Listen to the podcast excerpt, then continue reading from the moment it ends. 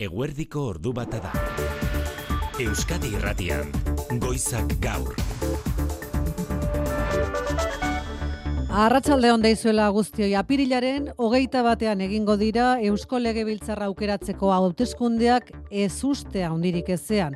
Inigo Urkullu lehendakariak gaur arratsaldeko seiterdietan egingo du agerraldia lehendakaritzan eta jaularitzako iturriek esan duten bezala, zuria eta botellan ez dago zalantzari gaxunaro zen arratsaldean. Arratsaldeon azken egun hauetan bata bestearen atzetik ikusi ditugun legealdiaren amaiera adierazten zuten keinuak eta goizerdian iritsi da lehendakaritzat horregatik deialdia ikusmin handia sortu du eta mugimendu handia ere bai legebiltzarrean bertan kazetari bat baino gehiago zuzenean saiburuei galderak egiten publikoki denak isilik baina inor gutxik jarri du zalantzan apirilaren hogeita baterako hauteskunde deialdia egiteko aterako dela gaur lehendakaria.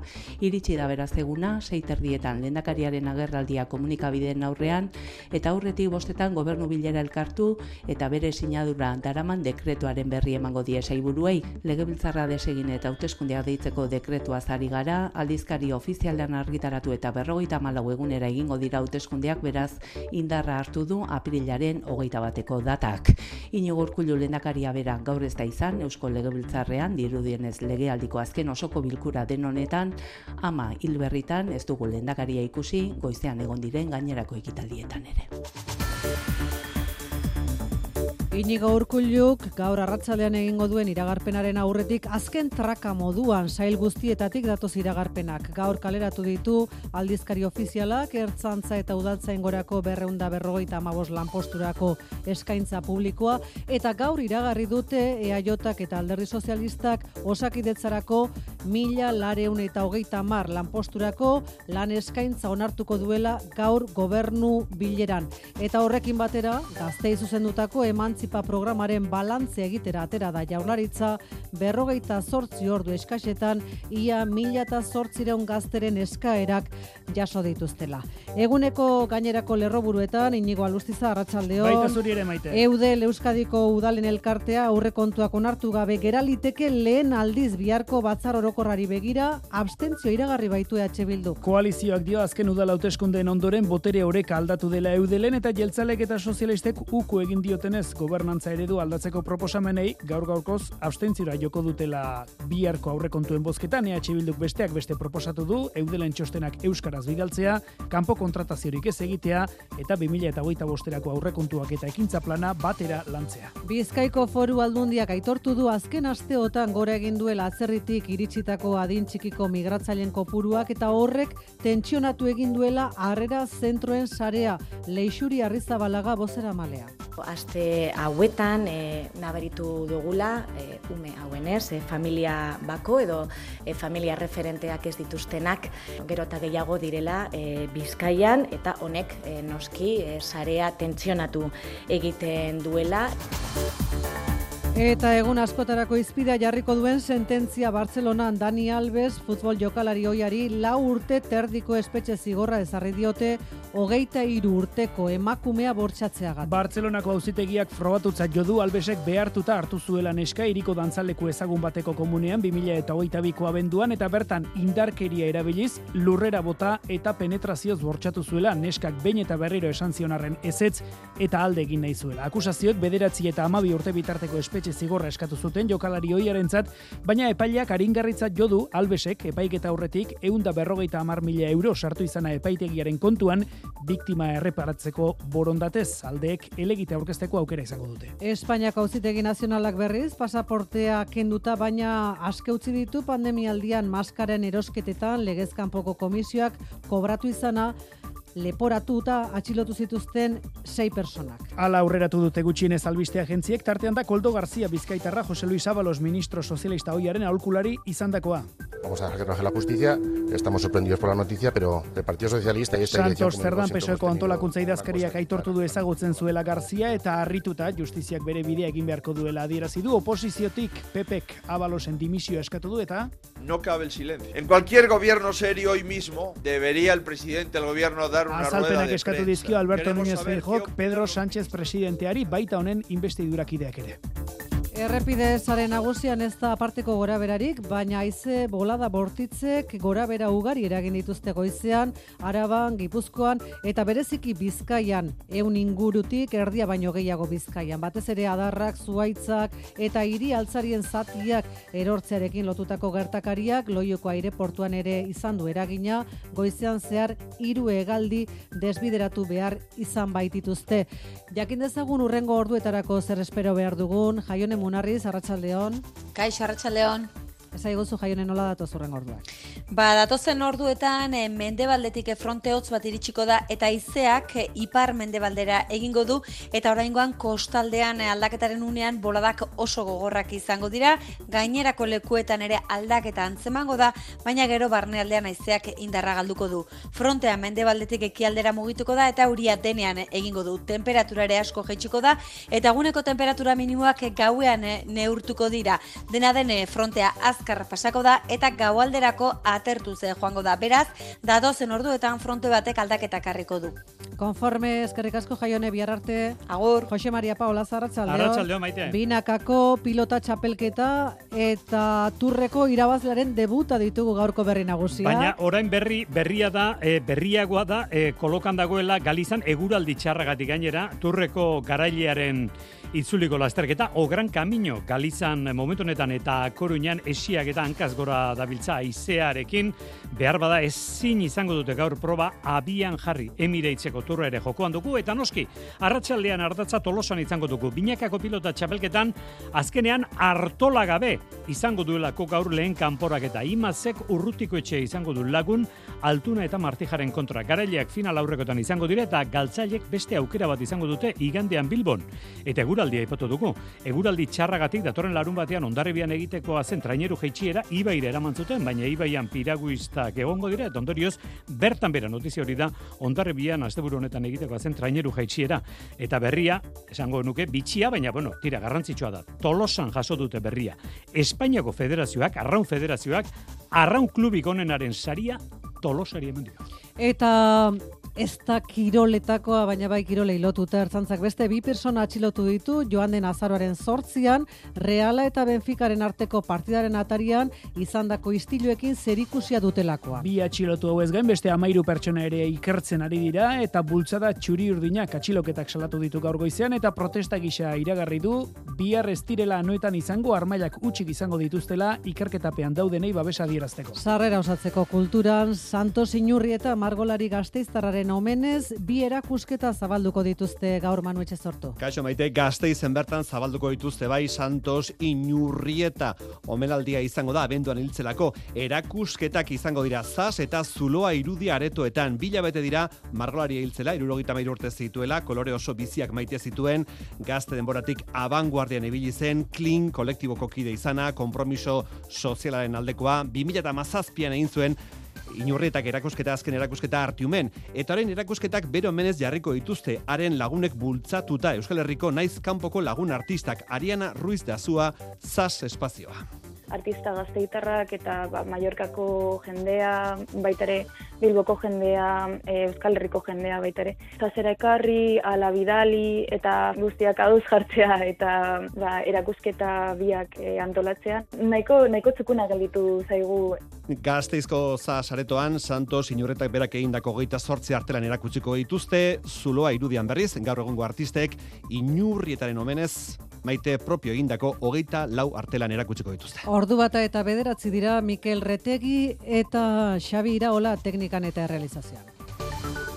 Euskadi Irratian, Goizak Gaur. Maite Artola. Arratzaldeko zeiterdietatik aurrera, hortaz argituko dira galdera ikur guztiak nahiko argitutzat jotzen diren arren ordu honetan, alegia urkulu lehen dakariak, agerraldi egingo du lehen dakaritzan, zeiterdietan, itxura guztien arabera, legebiltzarreko hauteskundeak apirilaren hogeita batean egingo direla iragartzeko.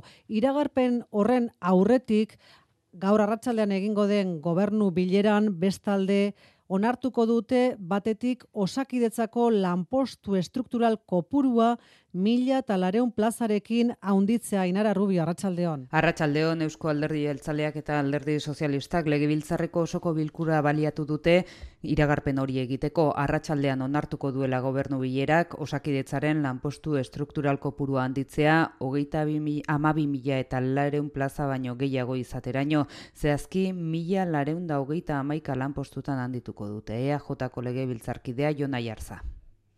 Y esta tarde el Consejo de Gobierno va a aprobar otras 1.400 plazas. Sigan Seluru Kontinuen, Argi berdea jasoko du baita ere Euskararen erabileraren normalizazio dekretuak aurrekoak ez bezala sektore publiko osoari eragingo dio hizkuntza eskakizunen sistema malgutuko da eta esate baterako hautaproba euskaraz eginez euskara maila egiaztatu al izango da eta ahozko eta idatzizko maila desberdina eskatzen duten perfilak sortuko dira erakundeek bederatzi urteko epean garatu beharko duten dekretua. Neurri bat zein bestea motz geratzen direla uste du EH Bildu eta seireun langile struktural gehiago behar dituela uste du koalizioak. Euskararen dekretuari berriz argilunak ikusten dizkio, arau horrez arago, irizpide partekatuak behar direla uste du eta horien oinarrian behar duela hizkuntza eskubideekiko errespetuak. Azpi kontratatutako ambulantzien greba mugagabeak gutxinez beste aste batez jarraituko du indarrean bestalde sindikatuek eta patronalak lanarremanen kontseiluan goizean izan duten bilerak adostasunik gabe amaitu baitu.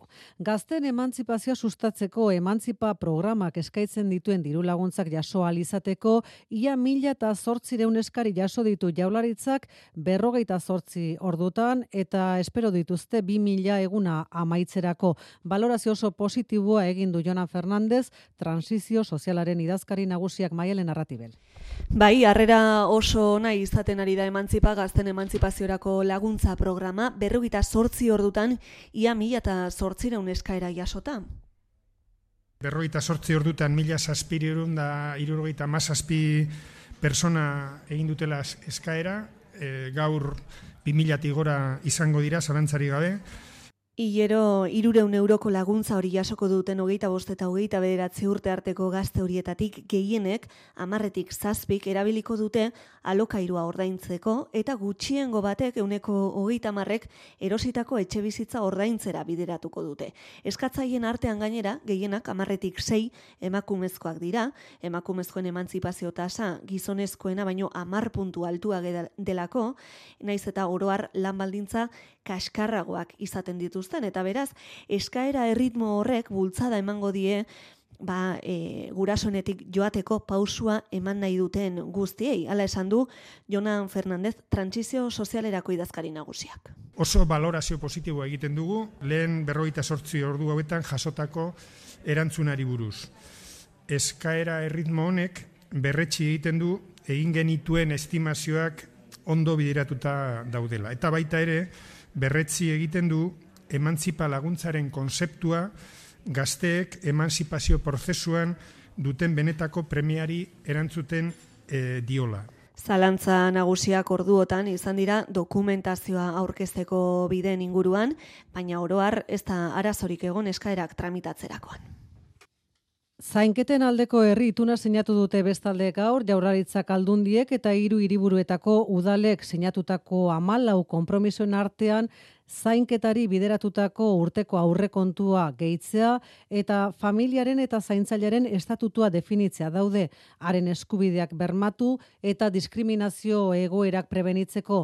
Gainera zaintza komunitarioren alde lan egiteko konpromisoa ere hartu dute erakundek zerbitzuak eta sareak sustatuz. Marijo deo gracias. Arratsaldeon. Arratsaldeon bai bizitzako lehen etapetan semealabak zaintza bete beharra da baina senitarteko helduak zaintzea haien eta zaintzen dituztenen aukera izan behar da aukera librea, erantzunkidea, denboran mugatua eta laguntza publikoarekin. Hala jaso zuen elkarrezketa zibilerako maiaren akordioak eta berretsi zainketen aldeko euskalitunak. Amalau konpromiso jasotzen dituen, ibiluide horria izan nahi duen hasierako akordioa nerea melgoza gizarte zailburuak adierazi duenez.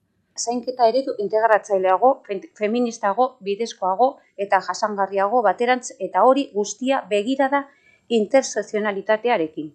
intersezionalitatearekin. Zaintzalanak sozialki emakume lanarekin lotzeari lagatzeko eredua. Foko harri jarri nahi da emakume migratzaileengan zaintzak duen eraginean eta landa eremuan dauden beharretan. Erraztu nahi da zaintzalanetan ari direnen profesionaltasuna eta indarrean dauden prestazio eta zerbitzuak eskuragarriago jarri.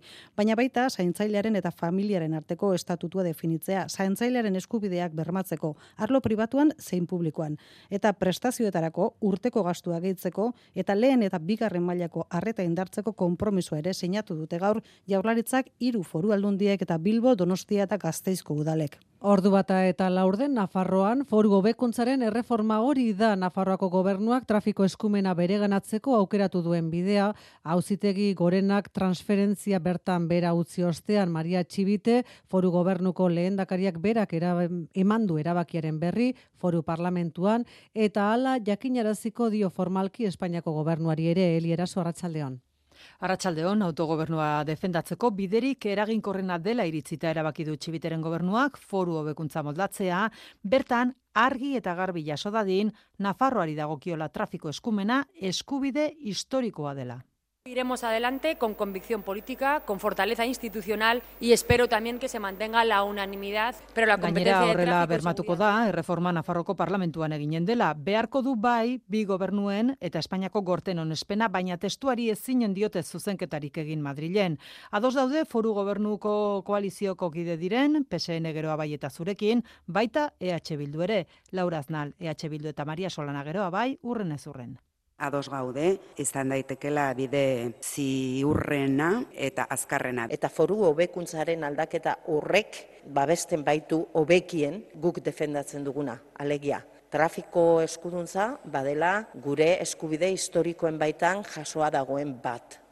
Eskuina kritiko eskualdatzea sozialisten eta abertzalen arteko akordioek ziprintztinduko dutelakoan Jose Javier Esparza upeneko buruzagia que las obsesiones nacionalistas hacen que la Guardia Civil de Tráfico deje de prestar el servicio en Navarra, esto es un mercado Nola nahi ere, foru parlamentuan inorkeztu ziten. jarri Nafarroak behar duela trafiko eskumena bere baitan. Bide batez, foru parlamentuko kontrol saio abaliatu du alderdi popularrak alderdi sozialistari ustelkeria leporatzeko. Maria Txibite lehendakariak azpimarra jarri du ala ere Koldo Gartzia. Jose Luis Abalos ministro oiaren aholkulari izandakoa eta uarteko zinegotzi sozialista izandakoa jada estela peseneren afiliatua. Ustez pandemia garaian maskaren erosketari lotutako ustelkeria kasuarekin atxilotu zuten lotuta, atxilotu zuten atzo Jose Luis Abalosen aholkulari oia esan bezala, Abalosek ekidin egin du gaur Koldo Gartziaren kasua hitz egitea, filtrazioetan oinarritutako akusazioak direla nabarmenduz, baina kongresuko pasiluetan izpide bakarra bihurtu da. Peperen kritikak esperoko zituen pesoek, baina horretaz gain, sumar, pesoek gobernuan duen bazkideak, ez ezik investidurako gainerako alderdiek oso larritzat jo dute kasua unerea sarriegi Madrid Arratsaldeon.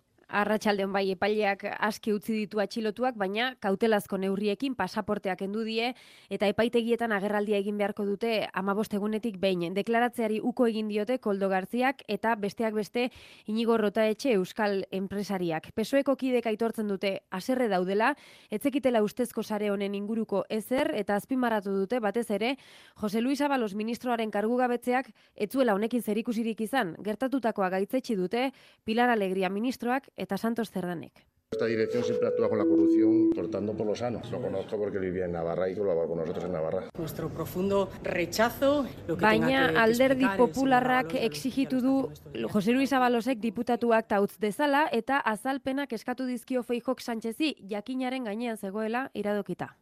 No cabe el silencio. En cualquier gobierno serio hoy mismo debería el presidente del gobierno dar una rueda de prensa. Eta azalpen eskaria ez dator eskuinetik bakarrik sumarrek eta investidurakideek ere oso larritzat jo dituzte informazioak.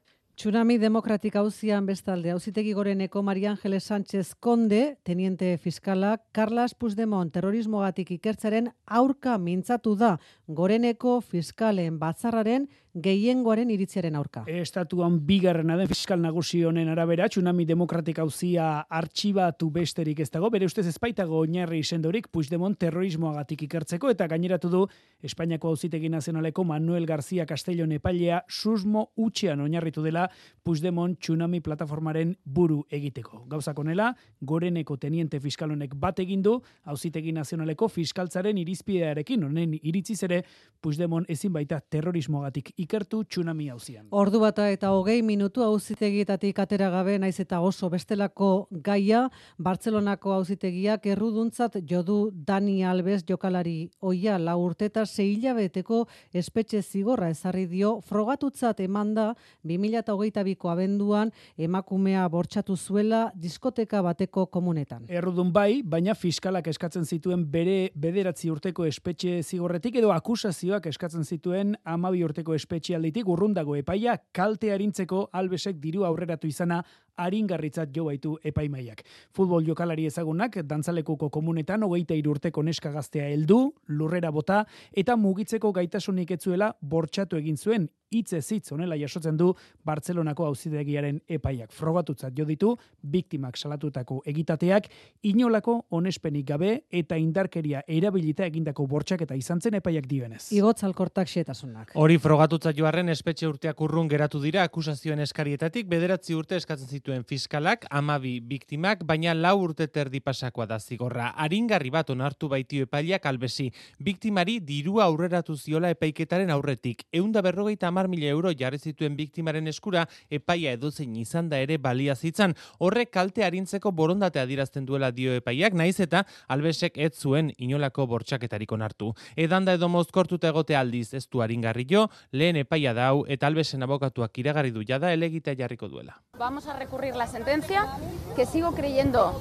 y defendiendo la inocencia del Erruga bedela defendatzen jarraitzen du Dani Albesek, biktimaren abokatuarentzat berriz gazigozua izan da epaia pozik onartu delako egia, baina era berean dio aztertu behar dutela frogatu diren gertakarien eta zigorraren artean orekari baote den.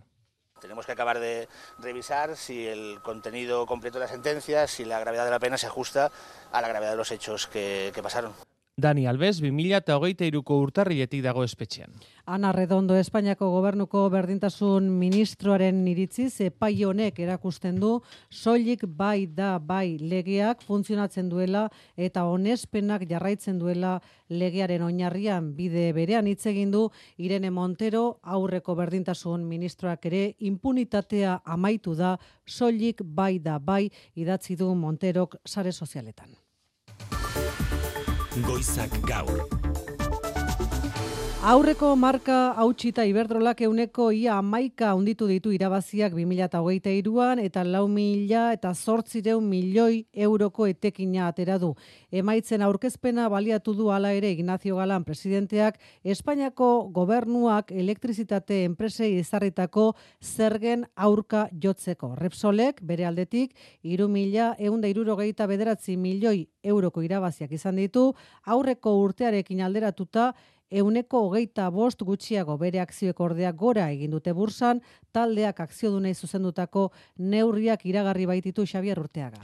Iberdrolak esan bezala marka kondu ditu 2008an lau mila zortziron da iru milioi euro garbi irabazita aurreko urtean baino euneko amaika gehiago. Taldeak azpimarratu du amaika mila milioi euro inbertsioetara bideratu dituela gehienak energia berriztagarriekin lotutako proiektuetara. Emaitzen berri ematerakoan Ignacio Galan presidenteak beste azpimarra bat ere egin du zergetan bederatzi mila milioi ordaindu dituztela negozioak dituzten herrialdetan, erena baino gehiago Espainiar estatuan. Espainiako gobernuak energia enpresen etekinei jarritako zergak ez duela zentzurik nabarmendu du, hala ere jarrera aldaketa sumatzen ari direla zehaztu du. we have seen a few positive signs. The government has said it may reconsider this limit jarrera aldaketa ikusten ari direla Espainiako gobernuarengan. Irabaziak tarteko Iberdrolaren akziodunek akzioko berrogeita mamo sentimoko dibidendua jasoko dute, hala ere burtsan kolore gorria dute akzioek ia puntu bat bera egiten ari dira. Kontrakoa gertatu zaio Repsoli euneko lauko irabaziak dituzte akzioek burtsan taldeak dibidendua euneko hogeita mar handituko duela iragarri ostean akzioko laurogeita mar sentimo jasoko dituzte. Repsolek iru mila eunda irurogeita zortzi milioi euro irabazi zituen iaz, aurreko urtean baino euneko hogeita bosten gutxiago dena dela Repsolen historiako hirugarren emaitza honena izan da. 2008 irua ezin hobe izan dela azpimarratu du Josu Jonimaz kontxeilari ordezkari. Medikuntza aplikaziorako teknologia aitzindariak aurkeztu ditu bestalde goizak gaur teknaliak tartean beso robotikoak edota kirofanoan bertan implanteak neurrira imprimatzen dituen robota jokin aierregarai.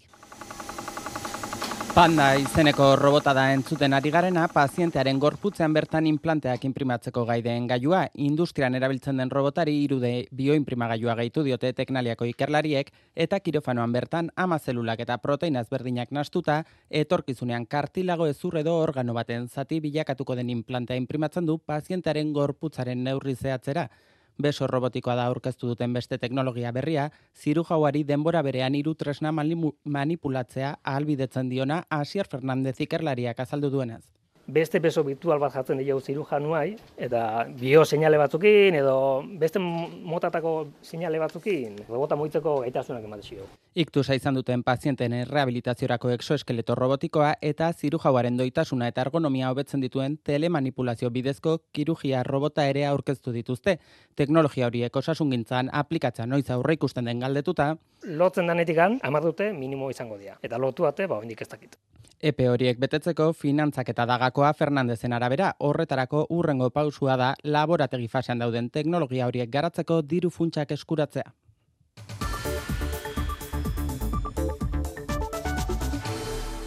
Ordu bata eta hogeita 6 minutu eta azken orduko batekin Bruselara jo behar dugu izan ere ego Euskal Herriko langile interinoengan eragina izan lezaken epaia emandu Europar Batasuneko Justizia Auzitegiak. Madrilgo erkidegoko hiru langile publikoren egoeratik abiatuta Auzitegiak dio Espainiak ez duela beharrezko legedia garatu administrazio publikoetan behinbeineko kontratuen abusuzko erabilera saiesteko. Egoera hori jasan duten langileentzat aurre ikusitako kalte ordaina ez dela nahikoa izan ere badio epaiak Amaia Portugal Arratsaldeon.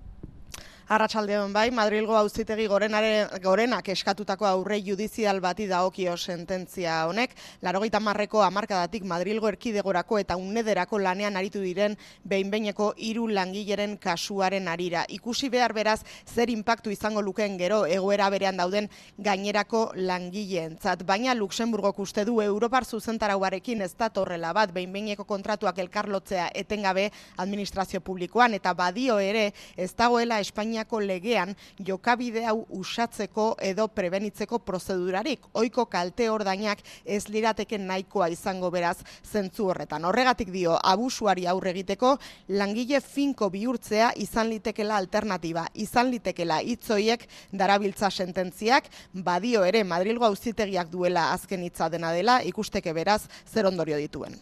Ba horren zain geratuko gara, adi adi eskerrik asko amaia, nazio artean bietxa historiko estatu batuak eta Errusia aurrez aurre, Joe Biden presidenteak Vladimir Putin presidentea gogor iraindu ostean, putasemea deitu dio kanpainako ekitaldi batean egin du eta Bidenen hitz egiteko modua oso gogor salatu du gero Kremlinak landerra izagirre. Ez da Biden presidentearen estreineko aldia 2021 batean hiltzaile deitu zion Putini, 2022an gerra kriminal eta oraingoan Crazy SOB, Son of a Beach terminoaren laburdura, guztia euskarara ekarrita, puta seme ero litzatekena. Horren grabaziorik ez da publiko egin, baina adierazpenak jasota geratu dira San Franciscoko kanpaina ekitaldi batean egin dituelako estatu batuetako presidenteak. Вероятно, есть какая-то попытка выглядеть как Cowboy Hollywood. Hollywoodeko cowboya izan nahi du Bidenek Dimitri Peskov Errusiako gobernu bosera malearen ustetan, baina kaltea ez omen dio Putin egiten estatu batuen prestigioari baizik. Espainian beroaldiak boskoiztu egingo lirateke 2000 eta berrogeita amargarren urtetik aurrera, karbono isurketak murriztu ezean aurreikuspen horrekin batera, gaixotasun tropikalak aurki Iberiar penintsulan arazo izan daitezkela nabarmendu dute osasunari eta klima larrialdieri buruzko Espainiako beatokiaren aurkezpen ekitaldian. Hiru ministrok hartu dute parte beatoki horren aurkezpenean mertzetxe berria. Zientzia, osasun eta transizio ekologikoko ministroek aurkeztu dute klima larrialdiak Espainiak osasunaren ganduen eraginaz modu transversalean arduratuko den erakundea. Ekitaldian nabarmendu dutenez argi dago honezkero klima larrialdia osasun publiko arazoa dela, adibidez gehiago zabal daitezke hainbat gaixotasun. En los próximos años podríamos ver incluso como enfermedades como el dengue, que Dengea son bezalako gaitz tropikalak Espainiako estatuan osasun publiko arazo bihur litezkela ohartarazi du Monika García osasun ministroak karbono isurketak murriztu ezean bestetik beroaldiak boskoiztu egin daitezke estatuan mende honetako bigarren erditik aurrera muturreko meteorologia gertaerei aurre egiteko alerta sistemako betzea izango du eginkizunetako bat beatokiak. Sabemos que una alerta maldada Oker remandako alertak edo informazio gabeziak ondorio larriak izan ditzakela azpimarratu du Teresa Rivera transizio ekologikoko ministroak zenbait kasutan personen bizitzak arriskuan jartzeraino. Alertei buruz hizketan hasita ez neurri horretakoa, baina aintzat hartzekoa guri dagokigunez, inigo alustiza. Segurtasun sailak alerta laranja ezarri berri duela Bizkaiko eta Gipuzkoako kostaldean olatu handiek itxas goran izan dezaketen impactua dela eta bihar eguerdian sartuko da indarrean alerta laranja, larun bat arratsaldeko irurak bitarte esan, bere, esan bezala bereziki itxas goran olatuek izan dezaketen impactua dela eta bos metro arteko olatuak espero ditu segurtasun sailak bihar eta etzi amabost amazazpi segunduko epean. Loiuko aeroportuan dagoeneko lurartzeko ziren sei hegaldi bideratu dituzte Madrilera eta Zaragozara hause urrengo orduetarako eguraldiaren pronostikoa Euskal Meten eskutik. Kaixo arratsaldeon datozen orduetan mendebaldetik fronte hotz bat iritsiko da eta izeak ipar mendebaldera egingo du eta kostaldean aldaketaren unean boladak oso gorrak izango dira eta gainerako lekuetan ere aldaketan zemango da baina gero barnealdean haizeak indarra galduko du. Frontea mendebaldetik ekialdera mugituko da eta euria denean egingo du. Temperatura ere asko jaitsiko da eta eguneko temperatura minimoak gauean neurtuko dira eta orduan elurkota ba mila metroren bueltan kokatuko da. Dena den fronte azkar pasako da eta gaualderako orokorrean atertu ze joango da. Beraz, datozen orduetan fronte batek aldaketa ekarriko du. Ba horixe aintzat hartzeko errepidesaren nagusian ez da aparteko gora berarik bestela. Jose Maria Paula za hemendik aurrera zurea da hitza.